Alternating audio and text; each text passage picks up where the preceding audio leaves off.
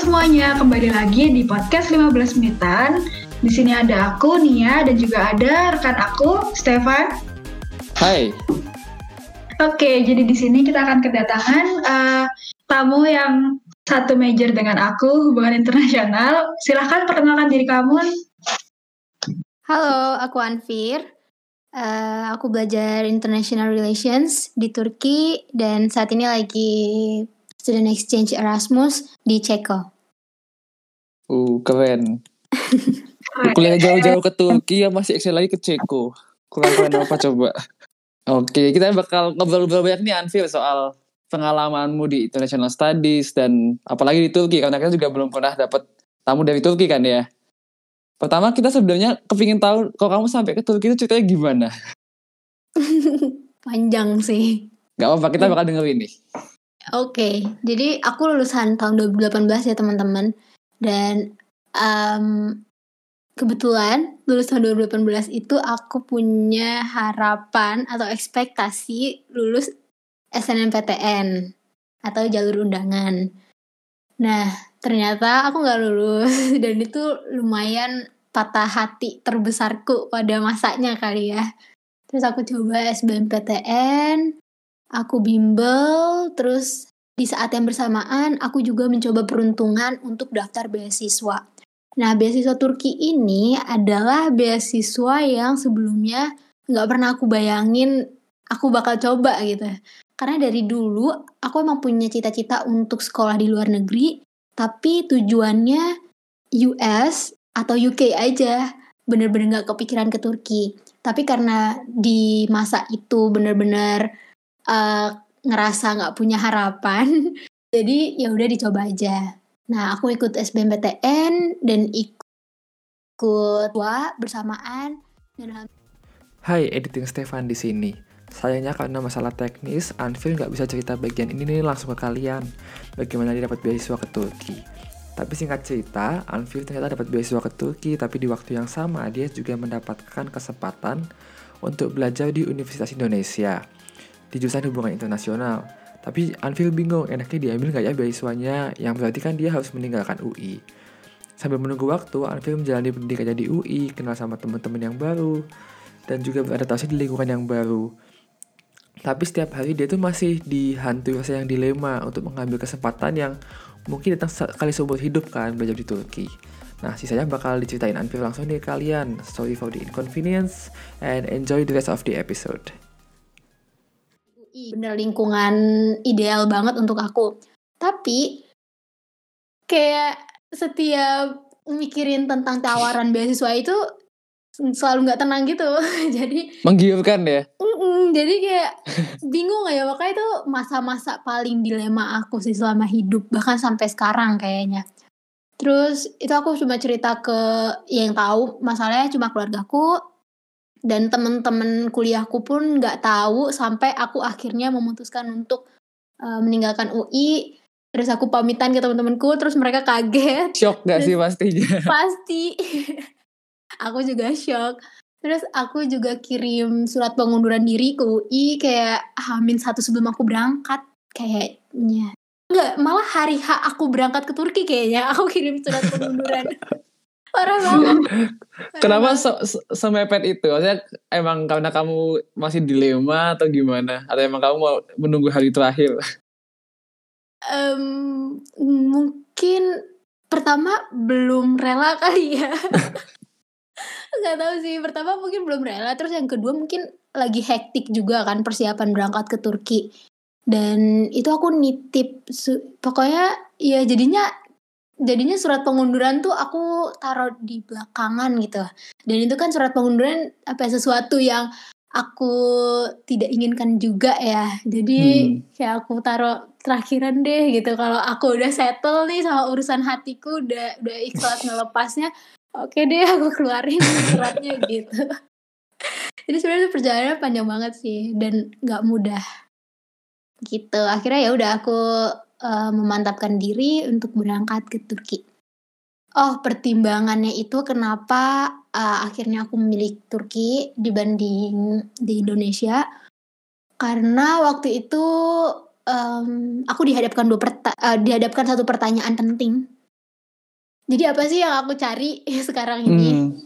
Dulu tuh aku anaknya lumayan akademis banget. Dari SD sampai SMA tuh lumayan akademis. Akademis, organisasi tuh lomba-lomba semuanya kayak udah aku icipin gitu. Selama pengalaman 12 tahun aku sekolah. Terus aku ngerasa eh, kayaknya udah cukup gitu loh soal akademisku. Terus Dan kamu pikir ngerasa- pengalamannya atau gimana sebenarnya? Betul. Nah, aku ngerasa ada yang hilang. Oke, nih sekarang aku udah akademis kayak, eh, maksudnya pencapaian-pencapaian akademisku udah cukup lah. Terus sekarang lo mau apa, Fir? Gitu.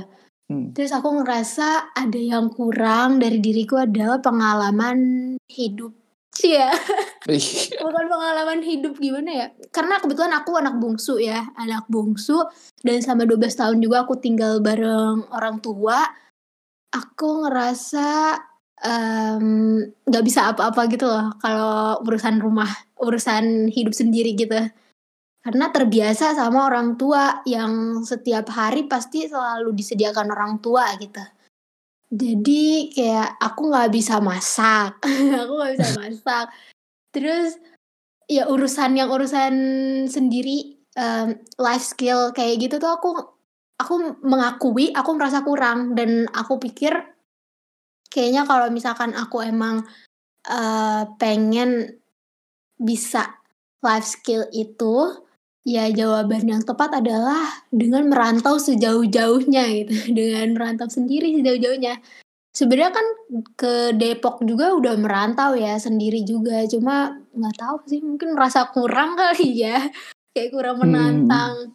Tapi ya udah itu deh. Jadi akhirnya aku menjawab oke aku akan mencari pengalaman hidup ketimbang pengalaman akademis. Kayak gitu soalnya kalau pengalaman akademis aku yakin sih di UI aku bakal dapet segalanya tapi aku cari pengalaman hidupnya itu gitu Oke, menarik banget nih sebenarnya kenapa kok kamu bisa tiba-tiba UI terus jadi ke Turki. Tadi kan sempat bilang nih juga kan kayak kalau misal di UI mungkin kamu bisa dapat segala pendidikan segala-galanya, tapi kalau pengalaman di Turki itu mungkin ya bisa dapatinnya kalau kamu ke Turki.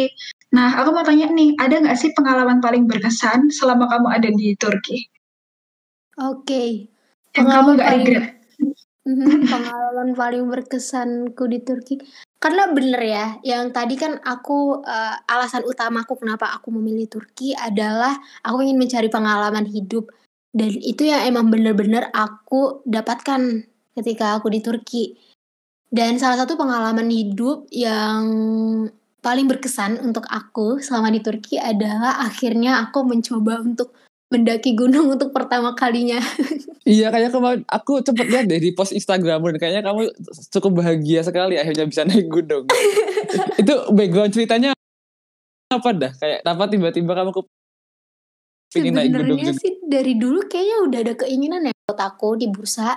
Terus ada klub fotografinya. Nah aku gabung situ dengan tujuan utamanya adalah ya mengambil foto gitu, Mhm. Me- membidik memori. Tapi dikemas dengan jalan-jalan. Jalan-jalan adalah mendaki gunung. Dan sebenarnya aku tuh nggak izin dulu ke orang tua kalau aku mendaki gunung.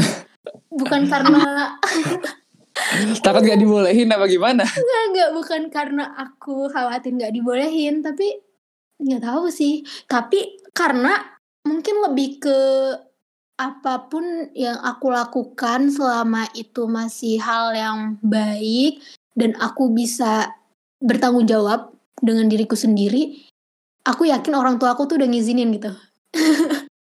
Pede banget. Pede. Tapi aku tuh tadi sebenarnya kayak beberapa kali kamu nyebut soal orang tua kan sebagai peran keluarga. Dan Mhm. apalagi kamu nyebut soal sebagai kamu seorang anak bungsu kan. Yang tadi kamu juga kadang ragu-ragu buat mungkin bisa sampai ke Turki. Tapi apa akhirnya yang membuat keluargamu mungkin juga ber, apa mau melepas kamu untuk pergi sejauh itu dan membiarkan kamu untuk bertanggung jawab atas dirimu sendiri. Ada nggak sih kayak pertimbangan seperti itu? Ada banget. Jadi selama kurun waktu aku mempertimbangkan antara Turki dan UI itu, ternyata orang tua aku juga diam-diam mengamati. Dan selama proses pertimbangan pengambilan keputusan, itu tuh selalu ada kala kita tuh berseberangan. Jadi misalkan di di satu titik aku eh, oke eh, aku tinggal di UI aja gitu. Nanti orang tua aku yang nggak apa-apa deh kamu ke Turki gitu. Atau nanti setelah itu yaudah aku mau ke Turki gitu. Tapi nanti orang tua aku udah di UI aja dulu gitu. Ada yang kayak gitu kayak gitu. Jadi ternyata eh, selama pengambilan keputusan yang dinamis itu orang tua aku tuh sambil mengobservasi aku tuh gimana gitu selama beberapa bulan di Depok tinggal sendirian. Nah waktu itu mamaku sempet tinggal beberapa hari di kosanku. Terus waktu pulang-pulang mungkin cerita gitu ya ke bapak atau gimana tapi intinya ketika mengeluarkan keputusan oke kamu boleh ke Turki itu aku dengar eh, mamaku bilang ya mama udah percaya kalau kamu udah bisa mandiri udah bisa makan. Karena dulu aku nggak suka makan. Dan Loh. jadinya makanku tuh nggak teratur. Nah itulah jadi salah satu pertimbangan orang tua aku tuh untuk eh, ngekip aku di Indonesia aja gitu. Karena boro-boro hal hidup lainnya gitu. Makan untuk diri sendiri aja aku tuh belum gitu belum bertanggung jawab. Nah selama beberapa bulan di Depok itu akhirnya orang tua aku ngelihat oke nih anak udah rajin makan gitu udah bisa bertanggung jawab sama dirinya sendiri itu itu jadi salah satu pertimbangan besar sih menurut aku untuk orang tua aku mengizinkanku pergi ke Turki Dan setelah kamu akhirnya sekarang sampai di Turki, kamu lepas dengan orang tuamu, rasa kehilangan nggak? Mungkin orang tuamu atau kamunya sendiri. Pasti sih, awal-awal pasti merasa kehilangan ya. Aku tuh pertama kali datang ke Turki, pertama kali sampai asrama, terus pertama kali aku nangis. Eh, pertama kali aku mandi, aku nangis.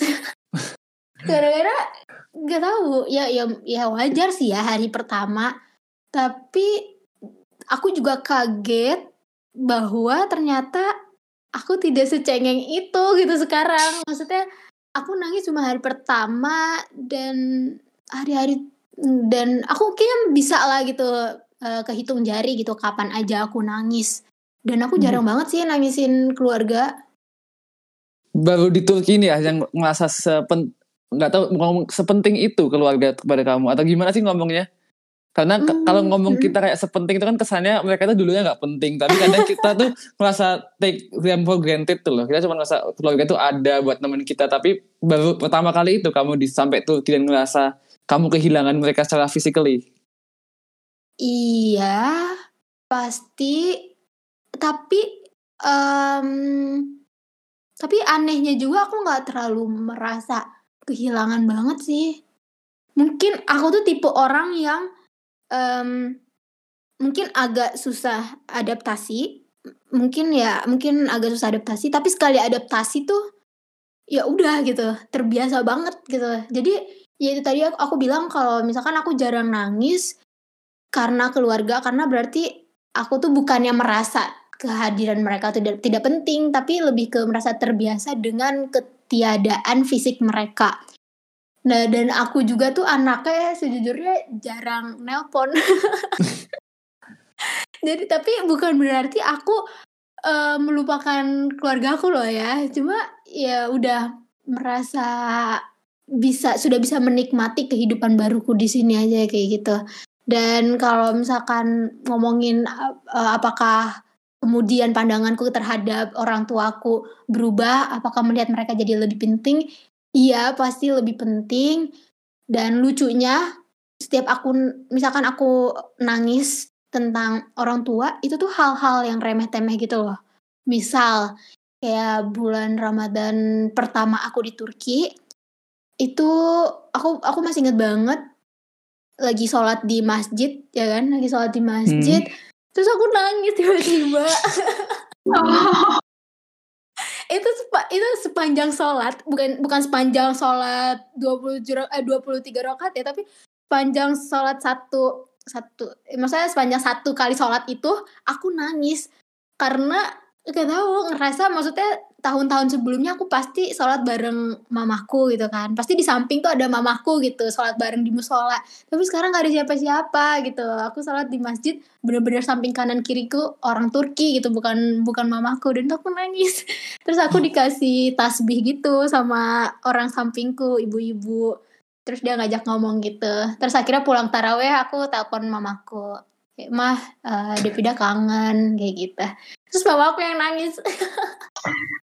iya jadi nangis apa nangisnya atau sadarnya tuh ketika yang hal-hal kecil kayak gitu tapi kalau misalkan hal sehari-hari sih udah enggak hmm.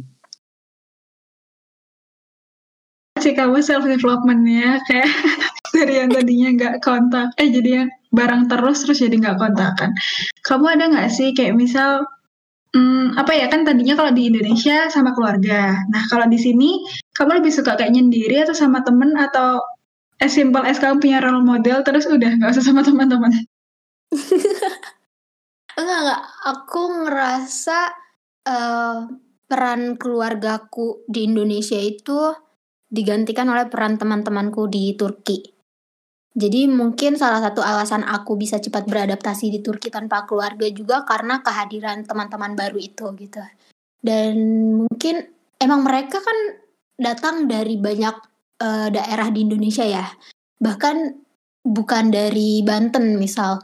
Tapi karena satu rasa senasib seperjuangan gitu ya sama perantau di Turki, jadi rasa kekeluargaannya lebih erat menurutku dan ya keberadaan mereka tuh menurut aku membantu proses adaptasi aku selama di Turki kayak gitu.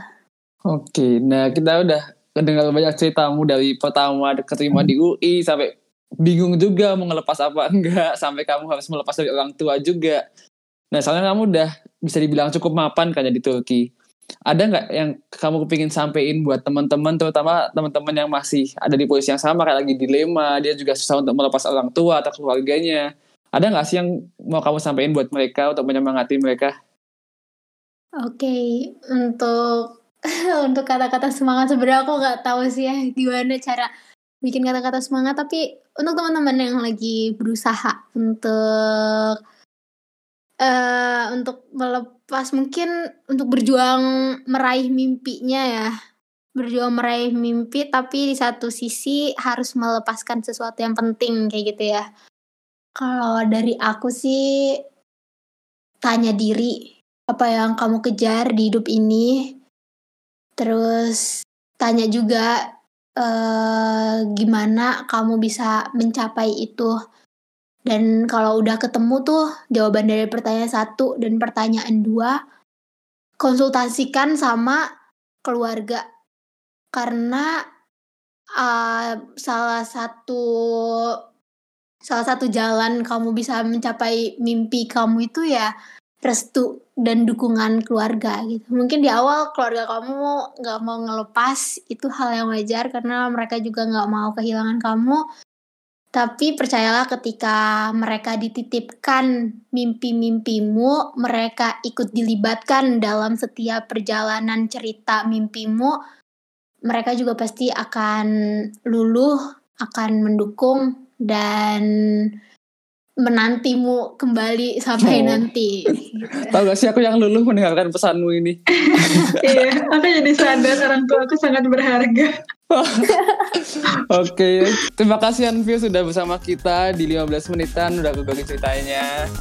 Dan Sama-sama. ya buat teman-teman yang kepingin nanya-nanya lagi soal suri Turki atau mungkin pengalaman-pengalaman lain, silahkan hubungi Anvio di Instagram kan cukup aktif juga kan ya. Dan ini adalah 15 menitan waktu podcast di mana kita membahas tentang perjalanan hidup teman-teman kita yang masih berjuang di negeri orang demi masa depan mereka dan masa depan Indonesia. Jangan lupa subscribe kami di at 15 menitan di podcast favorit kalian. Dan ini adalah episode kali kami minggu ini and see you next week. Bye-bye.